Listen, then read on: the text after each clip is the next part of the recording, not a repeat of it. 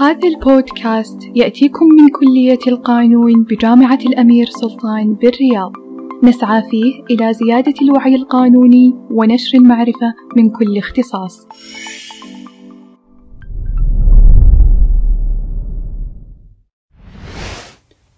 بسم الله الرحمن الرحيم.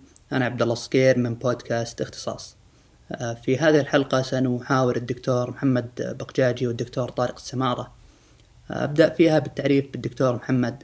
آه، محمد هو عضو هيئة تدريس في جامعة الأمير سلطان. كما تمتد خبرته العملية لسنين طويلة حيث أنه تخرج سنة 2003 من جامعة حلب ثم بعدها حصل على شهادة الماجستير من جامعة باريس في القانون العام. ثم بعدها سنة 2010 حصل على شهادة القانون ال PhD وهي الدكتوراه. من جامعة باريس كذلك. كذلك سبق لها التدريس في فرنسا حتى عام 2010 من 2000 يعني كذا سنة إلى سنة 2010 ثم بعدها درس في بريطانيا. وتدريسه في بريطانيا يعني أعطاه الفرصة للعمل في في دول غير غير بريطانيا مثل سنغافورة. أما بالنسبة للدكتور طارق فالدكتور طارق عاش يعني طفولته في فرنسا. وحصل على شهادة البكالوريوس وما يعادلها من جامعة دمشق ثم أكمل ثم أكمل بعدها دراسة الماجستير في جامعة بيربيغان يعني ننطقها هكذا في اللغة العربية. أما في الفرنسية فهي صعبة جدا حاولت نطقها ولكن لم أستطع ذلك. الجدير بالذكر أن الدكتور طارق حصل على شهادة الماجستير سنة 2004 ثم حصل سنة 2008 على شهادة ال PhD أي الدكتوراه. من الناحية القانونية من الناحية العملية الدكتور طارق آه، عمل كمستشار للصليب الأحمر آه، مدة أربع سنوات. كما سبق له التدريس في أكثر من مكان آه، درس الدكتور القانون التجاري في جامعة UPEC كذلك الدكتور درس في الجامعة العالمية للعلوم والتقنية في دمشق. الحياة العملية بالنسبة للدكتور طارق والدكتور محمد آه، مليئة بالإنجازات آه، لكن حاولت يعني أن أحصر آه، أهم النقاط أو أهم المحطات التي يعني من الجدير ذكرها في هذه الحلقة. سنتكلم في هذه الحلقة عن التدريس خارج المملكة بإذن الله. حياكم الله. أهلا وسهلا دكتور طارق ودكتور محمد. حياكم الله. أهلا وسهلا أخي الكريم. أهلا وسهلا. أهلا وسهلا بكم. بسم الله الرحمن الرحيم. السلام عليكم ورحمة الله وبركاته. آه، طبعا آه، معكم آه، أخوكم الدكتور محمد البقججي طبعا لنا الشرف أنه أن نسجل هذه الحلقة وتكون إن شاء الله أنه تشجيع للطلبة اللي حابب يدرس أو يشتغل في الخارج. فإن شاء الله يعني نعطيكم الزبدة زبدة الكلام ونعطيكم أيضا ما هو مفيد. فأنا وزميلي الدكتور طارق كانت لنا آه، رحلة آه، دراسية في الخارج ورحلة عمل أيضا في الخارج. آه، أتكلم عن نفسي شخصيا أعطيكم نبذة عن حياتي بشكل حياتي الدراسية طبعا اللي قضيتها في الخارج. بعد تخرجي من كلية القانون في جامعة حلب ذهبت للخارج إلى فرنسا لدراسة القانون لتكملة درجتي الماجستير والدكتوراه. ولله الحمد حصلنا على درجة الماجستير في القانون العام. ثم آه، تابعنا درجة الدكتوراه وتخرجنا منها بدرجة الشرف في عام 2010 من جامعة مارن لافالي في باريس. آه، بعدها آه، حصلنا على فرصة عمل للعمل في جامعات في جامعة بريطانيا في جامعة إسكس في بريطانيا. والحمد لله كانت لنا تجربة ناجحة واستطعنا أن نترك أثر طيب في ذلك في تلك الجامعة. وتركنا آه، واكتسبنا خبرات عميقة في مجال الدراسة ومجال العمل. في مجال الدراسة سواء في فرنسا عندما درسنا القانون وفي مجال التطبيق على العمل عندما درسنا عندما درسنا واشتغلنا كمحاضر هيئة تدريس في جامعة إسكس في بريطانيا. فهذه حبيت يعني تكون بداية معي. الآن أترك المجال لأخي وصديقي الدكتور طارق السمارة. طيب شكرا جزيلا دكتور محمد. السلام عليكم ورحمة الله وبركاته. وشكرا جزيلا على هذا اللقاء الطيب والمقابلة. آه، الحقيقة أنا حعرف عن حالي بشكل مختصر. آه، بحكم آه، أني بطفولتي طفولتي كانت في باريس ف أكملت دراسة لما رجعت إلى إلى سوريا أكملت دراستي فتخرجت من كلية القانون من جامعة دمشق.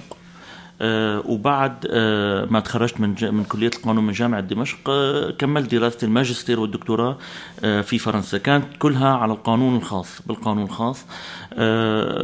بعد ذلك أنا نهيت الدكتوراه بال 2008 لما انهيتها حبيت ارجع إلى سوريا وكملت تدريس. فهناك درست في الجامعة الدولية للعلوم والتكنولوجيا في دمشق القانون الخاص كل ما يتعلق بالقانون التجاري والمدني. وبنفس الوقت آه، أكملت آه، مشواري أو الرحلة المهنية في آه، كمحامي في محاكم دمشق. بسبب الظروف والأحداث في عام تقريبا 2014 رجعت إلى فرنسا وأكملت هنيك آه، هناك مسيرتي المهنية. فكنت مستشار قانوني في الصليب الأحمر في مدينة باريس وبنفس الوقت كنت أدرس في جامعة آه، باريس الثانية عشر. آه، والحمد لله يعني تركنا اثر طيب آه، يعني آه، الثقة اللي أعطوني إياها إنه آه، استطعت إني أدرس في المدرج في فرنسا أمام 900 طالب فرنسي. وكنت مشرف على أيضا في على اعمال الطالب يعني كنت مشرف على فرنسيين كانوا يشرفوا على الطلاب فيما يتعلق بأعمال الطالب. والحمد لله بعدين آه، بعد ذلك آه، سنحت لنا الفرصة أنه نأتي إلى المملكة وهذا تقريبا عامي الثاني في جامعة الأمير سلطان في المملكة العربية السعودية. حياكم الله في المملكة العربية السعودية. دكتور محمد كم استغرقت وأنت يعني تعمل في مهنة التدريس في بريطانيا؟ جلست تقريبا أخي من سنة 2011 من سنة 2011 تقريبا سنة 2020 أنا التحقت تقريبا مش بجانيوري العام الم... جانيوري هذا العام. ما شاء الله. جانيوري هذا العام يعني بداية هذا العام 2020 بجامعة أمير سلطان بن عبد العزيز. آه ما شاء الله. آه دكتور من الأسئلة اللي وردتنا من الطلاب آه بعض الطلاب يعني آه إنه بين أمريكا وبريطانيا وفرنسا أعتقد انه يعني هذول الدول من أهم الدول بدراسه القانون. آه وش اللي يخلي الطالب يختار يعني يفضل دولة على أخرى؟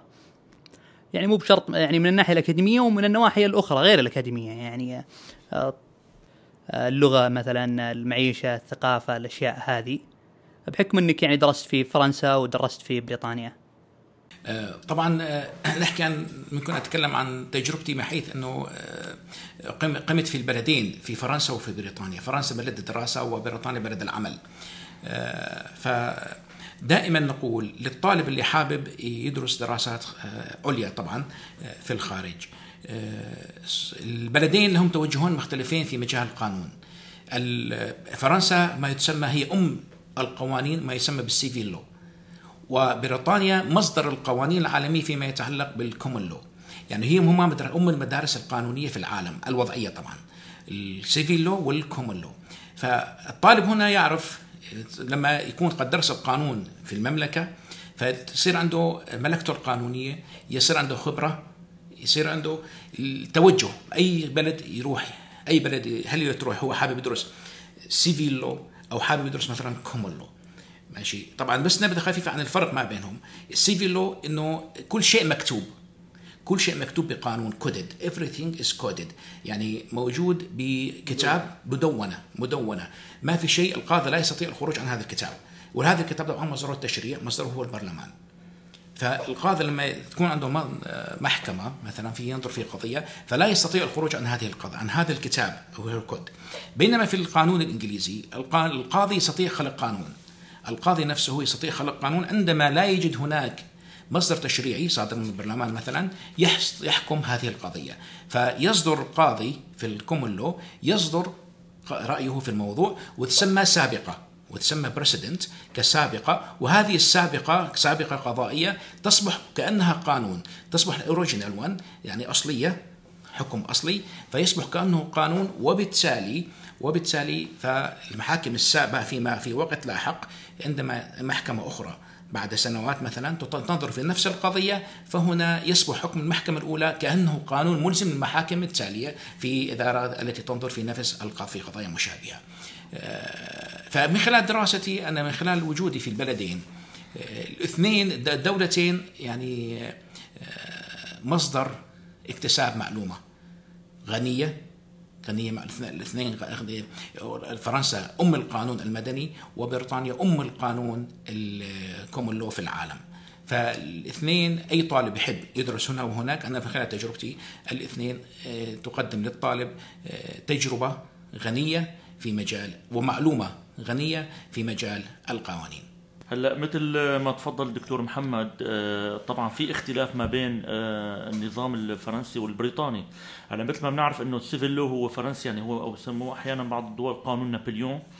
آه، آه، وطبعا البريطاني اللي بيجتمع اللي بيعتمد على الاجتهاد القضائي. ولكن في معلومة بدي أحب ضيفها آه، معلومة على الدكتور محمد إنه كل الدول العربية كل الدول العربية حتى اللي كانت خاضعة للاستعمار البريطاني الاستعمار البريطاني تخضع إلى القانون الفرنسي. هذا الاختلاف. فإذا أغلب الدول أو تقريبا كل الدول العربية أخذت من السيفل لو آه، وطبعا مثل ما بنعرف نحن العلامة السنهوري وأخذت منه آه، أكثر القوانين. طبعا اخذ اخذناها نحن من القانون الفرنسي أو السيفل لو. آه، بعكس القانون الإنجليزي يلي تطبيقه محدود بالدول العربية. ما بعرف إذا بيوافقني الرأي دكتور محمد. نعم صحيح أخي. تطبيق القانون الإنجليزي هو آه، مثل ما تفضلت هو تطبيقه محدود في الدول العربية ولكن الحين أصبح بعد آه، وجود قوانين جديدة و تنظم أمور جديدة أيضا مثل أمور التجارة الإلكترونية مواضيع الإنترنت مواضيع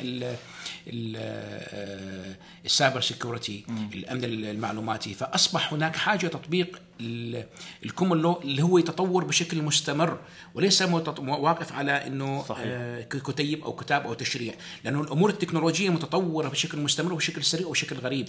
وبالتالي يلزمها أيضا وجود تشريعات مستمرة التي القاضي ممكن ينظر في قضية تجارة إلكترونية لا يوجد فيها قانون حاليا. وبالتالي القاضي يستطيع بدل من انتظار سنة أو سنوات حتى يصدر قانون من البرلمان يستطيع بشكل مباشر أن يصدر فيها قرار ويصبح هذا بحكم القانون. آه، طبعا هذه أهم التعريف بالفرق ما بين القانون الفرنسي والقانون الإنجليزي. هنا أضيف أيضا أنه دائما أشجع من وجهة نظري أنه الطالب بعد الانتهاء من مرحلة البكالوريوس أخذ فكرة عن قانون بلده. أخذ فكرة عن قانون بلده مثلا طالب في المملكة العربية السعودية أخذ فكرة عن القانون في المملكة العربية السعودية تخرج من كليه إحدى كليات القانون هنا في المملكة ثم يسافر إلى دولة في الخارج ليدرس مثلا في فرنسا أو يدرس في بريطانيا فهنا ملكته تزداد تزداد معرفته تزداد آه، آه، تبعه بخصوص المعرفة القانونية. لماذا؟ لأنه أصبح هو اوريدي اكتسب قانون الداخلي تبع بلده واكتسب أيضا القانون الخارجي من إحدى الدول فيكون لديه هنا عنده معرفتين. تمام. قانون مختلف يستطيع المقارنة يستطيع تطبيق ما حصله في الخارج عند الرجوع العوده إلى البلد. يفيد بلده فيما فيما هو جديد فيما هو جديد ما هو المعلومة الجديدة اللي تكتسبها في الخارج. وبيكون الطالب بهالعمر هذا يعني تقريبا نحن عم نحكي على 22 23 سنة بيكون نضج تماما. نعم نعم. أما على 17 18 يعني بيكون إنه آه، بيكون مرحلة صعبة بالنسبة ل ممكن هذا ناحية ولكن الناحية الأخرى هي أنه يكتسب معلومتين. المعلومة الأولى اكتسبها من القوانين الداخلية. والمعلومة الثانية القوانين في بريطانيا أو فرنسا فيستطيع أن يصلح مثلا أو يضيف عند الرجوع لبلده. يضيف لأنه عنده خبرة في قانون الداخلي فيعرف أين هي الثغرات اللي يلزمها تصحيح تماما. يلزمها مثلا وضع قواعد جديدة فيطبق هنا ما تعلمه في الخارج في آه، في عمله الوظيفي عند العودة للوطن آه، طبعا دكتور طارق أنا حابب إن نفيد آه، ابنائنا الطلبة في معلومة إنه ما هو الفرق الدراسي مثلا ما بين هنا وهناك. إنه ليش الطالب ليش إحنا دائما نشجع الطالب يدرس بالخارج؟ شايف أخي ليش الطالب إحنا نشجعه؟ إنه يدرس بالخارج أخي ادرس هنا ال undergraduate وادرس ال postgraduate في دولة عريقة في القوانين. الولايات المتحدة الأمريكية بريطانيا فرنسا. صراحة اكبر دول آه، في مجال القانون عريقة في مجال القانون. تاريخها معروف في المجال القانوني. فإحنا حابين نتكلم عن هذا الموضوع دكتور طارق. ف آه، يعني آه، نشوف الفرق. ليش الطالب ليش طيب هناك في فرق بالستركتشر في طرق بال في فرق بال بالاسسمنت طرق طرق التقييم الطالب في طرق الدراسة أيضا تختلف. شيء دكتور فإحنا حابين أيضا نوضح هذا الأمر للطالب لأن دائما الطلبه يسألوننا أثناء المحاضرة دكتور أنا حابب أدرس برا. طيب شو الفرق بين هنا وهناك؟ شو هي المزايا اللي تخليني أدرس برا. شو راح تضيف لي برا؟ طيب هنا قانون وهناك قانون. بس الفرق اللي هو راح يكون التالي. تفضل دكتور تحب تضيف. إنه شو ممكن نضيفه لما يتعلم الطالب؟ إنه شو الطالب يعني ممكن يتعلم؟ لما آه، طبعا آه، آه، أكيد هلا الدراسة مختلفة نوعا ما. هلا إذا بنحكي نحن مثلا على الدكتور على الماجستير أو الدكتوراه نعم. هلا بدنا نحن في اختلاف ما بين النظام الفرنسي أول شيء إذا واحد بده يدرس إذا بنحكي على الدكتوراه فرضا. نعم. الدكتوراه بأمريكا فيها بالإضافة للبحث في دروس بياخذها الطالب ولازم ينجح فيها. بفرنسا وأعتقد بريطانيا دكتور آه، في بحث فقط بدون دروس عملية. هذا اللي اكتشفته أنا من خلال إقامتي بكندا لمدة 10 شهور كنت بمدينة مونتريال. فلاحظت إنه في اختلاف فيما يتعلق بالدكتوراه ال PhD بين آه، فرنسا أو النظام الأوروبي وأمريكا. هلأ طبعا حتى آه، الاختلاف موجود فيما يتعلق بالاتحاد الأوروبي. والولايات المتحدة. الولايات المتحدة عندهم نظام البكالوريوس اللي هو أربع سنين وبعدها في الماستر وبعدها الدكتوراه. بفرنسا وبالاتحاد الأوروبي عندهم نظام LMD اللي هو الليسانس اللي هو ثلاث سنين وبعدين عندهم ماستر 1 اللي هو دبلوم ماستر 1 وبعده ماستر 2 دبلوم لوحده. وهذا الماستر 2 فيه قسمين قسم ماستر professional وقسم بحث. فهي نعم. لازم هون طالب ينتبه لها. يعني آه، إذا البحث يلي بده يكمل دكتوراه. إذا ما بدك تكمل دكتوراه في عندك آه، آه، ماجستير بسموه professionnel أو professional بالإنجليزي. فهذا متخصص بمجالات محددة. هلأ للأسف بالدول العربية مثلا إذا واحد بده يتخصص لنفرض مثلا بالقانون الطبي. ففي فرنسا مثلا في كتير ماجستيرات professional بعد ما تخلص الإجازة أو البكالوريوس في المملكة ممكن تروح تكمل. يعني بيكون في عندها اختصاص دقيق. وقوانين حديثة ويعني اللي اللي بيستفاد منه إنه في آه، القوانين تحدث بشكل سريع عن طريق آه، البرلمانات وعن طريق القضايا أو الاجتهادات القضائية الحديثة وتكون فيها وفي بيكون فيها تطبيق عملي مع الماجستيرات المتخصصة والدقيقة بهذا الأمر. مثلا في عندنا آه، ماجستير بالإنترنت قانون الإنترنت. ماجستير في آه، قانون الشركات أو العقارات. حتى في ماجستير في قانون العقارات. تصور أنا ما بعتقد بالدول العربية في ماجستير متخصص في قانون العقارات. آه فهي من أحد الإفادات. طبعا البيئة آه، مختلفة. آه، حتى في عرف أنا بعرف بالجامعة بالمجتمع البريطاني إنه لما واحد كانوا بالعائلات ال ال ال ال العائلات مثل ما بنقول المالي الملكية نعم. إنه لما واحد يخلص دراسة إنه لازم يروح سنة إجباري خارج المملكة حتى يشوف ويتعلم نعم. خارج بعدين يرجع يعني طبعا آه، شيء منيح إنه الطالب يطلع لبرا يدرس آه، لغة جديدة ثقافة جديدة حضارة جديدة آه، ينمي مواهبه ويرجع على بلده ويفيد طبعا البلد الذي أتى منه نعم. آه، طبعا أحنا أضيف خلال تجربتي آه، شكرا دكتور طارق. حبيت أضيف والله آه، بعض المعلومات المتخصصة في إنه في في دراسات في دراسة ال undergraduate في دراسة الماجستير في مدرسة الدكتوراه.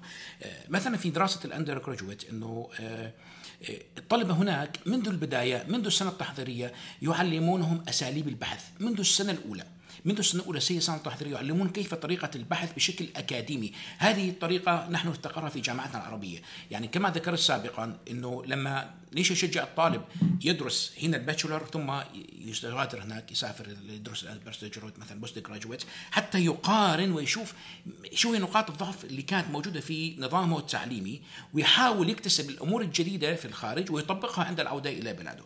فمثلا إحنا في جامعة حلب كنا أو في ضمن منهج التعليم في القانوني كان تعليم قوي جدا ولكن يعتمد هذا أيضا في مغلب اغلب الدول العربية يعتمد على أسلوب البصم فقط. احفظ ثم فرق مخزون الذاكرة فرقها في دفتر الإجابات. فقط هذا هو الاسلوب المتبع وحتى هنا يعني شفت إنه أغلب الطلبة يعتمدون على أسلوب عبي الذاكرة ثم يأتي موعد الامتحان ويفرغ. بعدين يأتي ينسى المعلومة بالكامل اللي تكتسبها ثم يأتي الموعد الامتحان الثاني يعبي ذاكرته ويفرغها في علامه في دفتر الامتحان وهكذا. فللأسف هذه أه ولا بقاطع كلامك دكتور يعني أه اللي فهمته منك إنه أسلوب الحفظ تقصد يعني اللي يجي الطالب يحفظ ويسمع راحت انتهت المعلومة. خلاص لا تبقى في ذاكرته أخي. هذا النظام إحنا متعودين عليه في بلادنا هنا. و آه، وصراحة تفاجأنا لما بدأت العمل في بريطانيا بأسلوب جديد. هناك أسلوب جديد والصراحة مشجع مشجع للطالب الأكاديمي. أنت هنا في بيئة أكاديمية آه، وليس في أنا دائما أقول الامتحانات هي أسلوب عقابي يا أخي. الامتحان هو أسلوب عقابي لأنه أنت مثلا في في لما كنا نشتغل في الجامعة في جامعة اس إكس كان هناك أسلوب مريح جدا للامتحانات. أنت عندك آه آه، خلينا نقول assignment question عليه من ال overall طبعا ال overall كان من 100 مثل هنا عندنا في الجامعة من 100 ولكن ال assignment عليها تقريبا حوالي ما بين 40 إلى 60 درجة حسب المقرر. من 40 إلى 60 من 100 شايف أخي؟ فالطالب هنا يدرس في كل مقرر مثلا عنده في الفصل الأول أربع مقررات. على سبيل المثال عنده أربع مقررات أو خمس مقررات. فهنا في كل مقرر عنده لازم يكتب بحث. في كل مقرر يكتب بحث البحث لازم يروح على مكتبة. يعني مثال كنت أدرسهم مثلا آه، ال business law. شايف أخي آه، فدائما الطالب يكلف بمهمة. آه، مثلا أذكر كانت وظيفة احد ال assignments كانت عن ال tort of negligence ال tort of negligence فكانوا يروحوا آه، معهم مثلا أسبوعين إلى ثلاث أسابيع أحيانا شهر يروحوا على المكتبة. وكان في سؤال واضح موجود statement موجود الطلبات طلب واحد طلب اثنين طلب ثلاثة. في إحنا نمدهم أيضا كمحاضر ب indicative indicative answers شو لازم يحتوي ال answer؟ تبعهم طبعا يكتبوا بأسلوب بحثي أكاديمي بحت. وليس إنه والله يروح يكتب copy تعملوا لصق في آه، أو نسخ ولصق في آه، في ورقة الإجابة لا. يكتبوا بأسلوب اولا مقدمة ثم صلب الموضوع والخاتمة. فيتعلموا منهم طلاب كيفية كتابة كتابة بحث أكاديمي. وليس أنه فقط آه، اكتساب معلومة ثم تفريغها في ورقة الإجابة. هذه إحدى الأمور. الأمر الثاني كان في عندهم ويكلي تيست كان عندهم كل أسبوع نضع لهم في ال MS أو ال module page فمثلا كان يذهب الطالب خلال فترة ال assignment ويبحث يكتب بأسلوب أكاديمي يكتب دائما نقول له critically discuss okay يعني بأسلوب نقدي بأسلوب تحليلي وليس إنه بأسلوب descriptive وأسلوب وصفي. لا critically discuss اعطينا رأيك اعطينا آراء الفقهاء القانونيين في في كل في كل فقرة. الفقرة له حيث يقول من حيث الناحيه هي إنه الف- الفقيه القانون الفلاني قال كذا وكذا والمحكمة في في مدينة كذا أخذت برأيه. على سبيل المثال بينما فقيه آخر قال وكذا فكرة قانونية قالت كذا وكذا وكذا فيصير عنده آه هو اكتسب معلومه بنفسه. يكتسب معلومة بحيث إنه راح اطلع وقرأ وشاف. فمن خلال هذه اكتساب معلومة بهذه الطريقة لا مستحيل أن ينسى. ثم فيما بعد في عندنا ال final exams اللي تجي وليس في كل فصل عندنا exam شوف إحنا هنا في كل في كل فصل في عندنا exams exams الطالب دائما stress دائما stressful في stress هناك عندهم الفصل الأول عندنا مواد عندك assignment خلاص. الفصل الثاني عندك مواد assignment تقدمها. ال final exam يضم كل المواد اللي درستها بالفصل الأول وفي الفصل الثاني في الشهر السادس دائما. يسموه ال final exam مدته شهر على الطالب خلالها يقدم الامتحان ولكن الطالب يدخل الامتحان وهو مطمئن إنه درجة كبيرة من آه، من علامة النجاح حصل عليها عن طريق assignment عن طريق ال clips questions اللي نخليه إحنا كل أسبوع نسأل الطلبة في سؤال ال S فالطالب ده يفوت على ال S ويحضر الإجابة. آه، فهذا النظام structured هذا structured system مريح للطالب مريح. هذا اللي يخلي دائما الطلاب دائما يسافروا خصوصا في بريطانيا. يخلي الطالب يسافر ويدرس لأنه نظام مريح flexible يخلي الطالب آه، آه، مرتاح وطريق النجاح ليس صعب. ليس إنه لازم يحط يكون في stressful بكرة عنده مادة وبعده عنده مادة وبعده عنده مادة وإلى آخره. هذا الأسلوب الإنجليزي في التعليم. يعني well structured ماشي؟ آه، تفضل دكتور محمد فيدو رح أضيف آه، فكرة.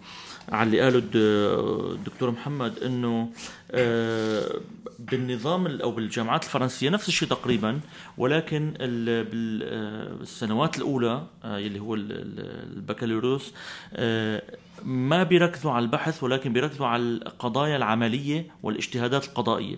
يعني آه، في عنا قسمين بالسنة الأولى والثانية والثالثة.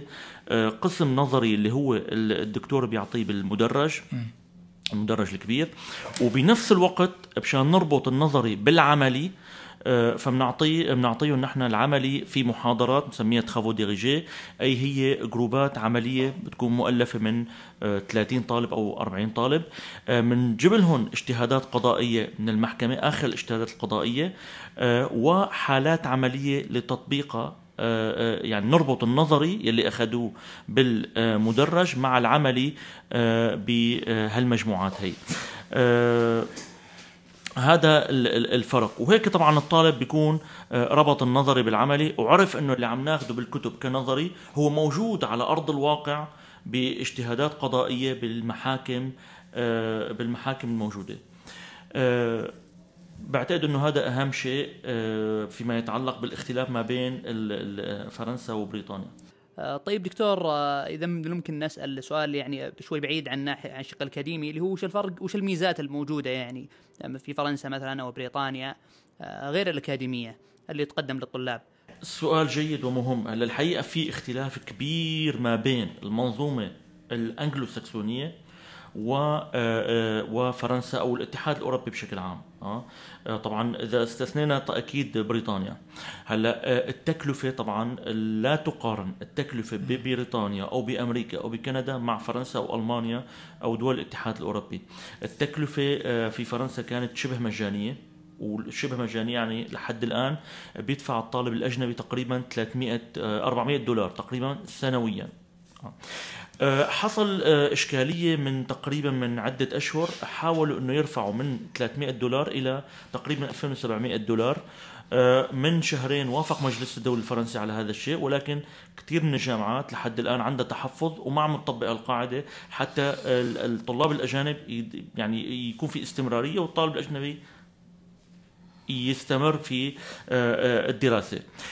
طبعا الدكتوراه ما رفعوا الرسوم. لحد الآن اللي هي لحد الآن بين 300 وال 400 آه، يورو أو دولار. آه، فيما يتعلق بمساعدات حتى السكن هلا فرنسا هي أعتقد الدولة الوحيدة بالعالم يلي فيها شيء اسمه ال APL كل الطلاب الأجانب يعرفوا أعتقد دكتور محمد أيضا. ال APL هو عبارة عن مساعدات سكن. يعني أنت لما بتدفع الأجار السكن بترجع لك الدولة 50 ل 70 أو 60% من أجار السكن للأجانب ها؟ طبعا للفرنسيين أكيد ولكن أيضا للأجانب. هذا مو موجود بدولة ثانية. آه، المطاعم أيضا عندهم مطاعم شبه مجانية الوجبة لحد الآن في فرنسا ب 4 دولار. يعني عم ناخذ نحن عم تاكل انت وجبة آه، آه، غداء أو عشاء ب 4 دولار. أعتقد آه، بكثير من الدول هي غير موجودة. النظام الأمريكي طبعا خلال إقامتي بكندا لمدة 10 شهور بمدينه مونتريال لاحظت في اختلاف كبير يعني حتى بكوبيك اللي هي مقاطعة تتكلم اللغة الفرنسية في عندهم يعني الطالب إنه أغلبية الطلاب في كثير عايشين بالدين أو بال credit. على القروض. وهي القروض هي بعدين لازم الطالب لما يخلص لازم يوفيها. إذا طبعا.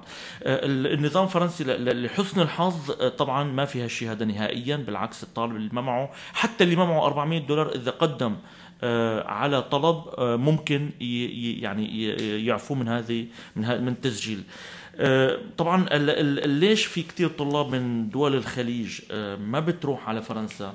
وطبعا آه، لأنه اللغة عامل اللغة. لحد الآن آه، الفرنسيين بيفتخروا بلغتهم. لحد الآن ما فتحوا المجال آه، للتدريس باللغة الإنجليزية. فالطالب مجبر إنه يتعلم لغة فرنسية وخصوصا بالمرحلة الأولى. فاذا هون عم نشوف إنه في اختلاف كبير فيما يتعلق بالنظامين من بشكل عام. ذكر أخي الدكتور طارق إنه الدراسة في فرنسا رخيصة جدا كان يدفع حوالي على الرسم السنوي 500 آه، دولار مع التأمين الصحي الشامل. بينما في بريطانيا هي الرسم السنوي يصل في كلية القانون لأنه كليات في بريطانيا أغلبها كليات عريقة جدا تصل إلى ال 15000 15000 جنيه استرليني على حتى من الدولار. شايف أخي؟ فهذا رسم السنوي في منح تعطى للأوروبيين تحت المواد للدول النامية مثلا لطلبه الدول النامية. السبب الأساسي إنه الدول بريطانيا هي آه، آه، يستغلوا في شغلة إنه اللغة الإنجليزية. فمعظم دول العالم تقبل اللغة الإنجليزية فيذهبوا لبريطانيا السهوله بينما فرنسا هم كما ذكر أخي إنه آه، يركزون أساسا على اللغة الفرنسية ويحاولون نشر اللغة الفرنسية من خلال إنه إعطاء منح للطلبة الأجانب رسم رسم ليس عالي رخيص للطلبة وإلى آخره. أيضا للإشارة بخصوص المزايا شو تقدمها المزايا الدراسية. كما ذكر أخي نقطة دراسه في ضمن seminars أو ضمن group إنه عندما تأخذ محاضرة هي حتى موجودة في أغلب دول العالم في أوروبا والدول الاوروبيه خصوصا. عندما تأخذ محاضرة حول نقاط نظرية معينة مثلا كان عندي طلاب مثلا 100 طالب في مادة قوانين التجاره الالكترونيه فيقسمونهم يحضر الجميع يوم واحد يوم مثلا يوم أحد. ثم يقسمون هذول الجروبات يقسمون إلى جروبات إلى groups يعني مثلا كل 20 طالب في groups في group ويناقشوا قضية معينة اجتهاد قضايا معين حالة عملية. وهنا يتعلمون هم طلاب أيضا موضوع العمل الجماعي. العمل الجماعي. فتكسب خبرات. الصراحة ما عندنا إحنا هنا في الأنظمة في أنظمة جامعية. في في دولنا ما عندنا هذه المزايا اللي ممكن تصقل شخصية الطالب وهو طالب وهو في المرحله الجامعية الأولى. هنا الفرق ما بين هنا وهناك. يعني الليرنينج هنيك يعني يصير هناك إنه في نوع من الفن. في نوع من الفن اللي اللي متعة. في نوع من المتعة وليس نوع من الستريس هذا اللي يشجع الطلاب دائما يذهبوا للدراسة في الخارج خصوصا في النظام الإنجليزي. آه تمام. آه شكرا جزيلا. حياكم الله. محمد شكرا لكم. شكرا شكرا موصول دكتور طارق بالطبع على أننا يعني أعطيتونا هذه الفرصة. آه اننا نسجل معكم هذه الحلقة وبإذن الله آه راح نسب في حلقات أخرى. بالتسجيل يعني عن الدراسة والتدريس كذلك في الخارج. حياكم الله أخي عبد الله أخي الكريم عبد الله وإحنا سرورنا بتقديم هذه الحلقة وإن شاء الله نأمل إنه في نلتقي في مرات قادمة بحول الله. شكرا جزيلا أستاذ عبد الله وإن شاء الله نشوفكم في حلقات قادمة إن شاء الله. نعتز بأن جميع الحلقات من حيث الكتابة والإعداد والمونتاج من إنجاز طلابنا وطالباتنا الذين نفخر بتدوين أسمائهم في التعريف.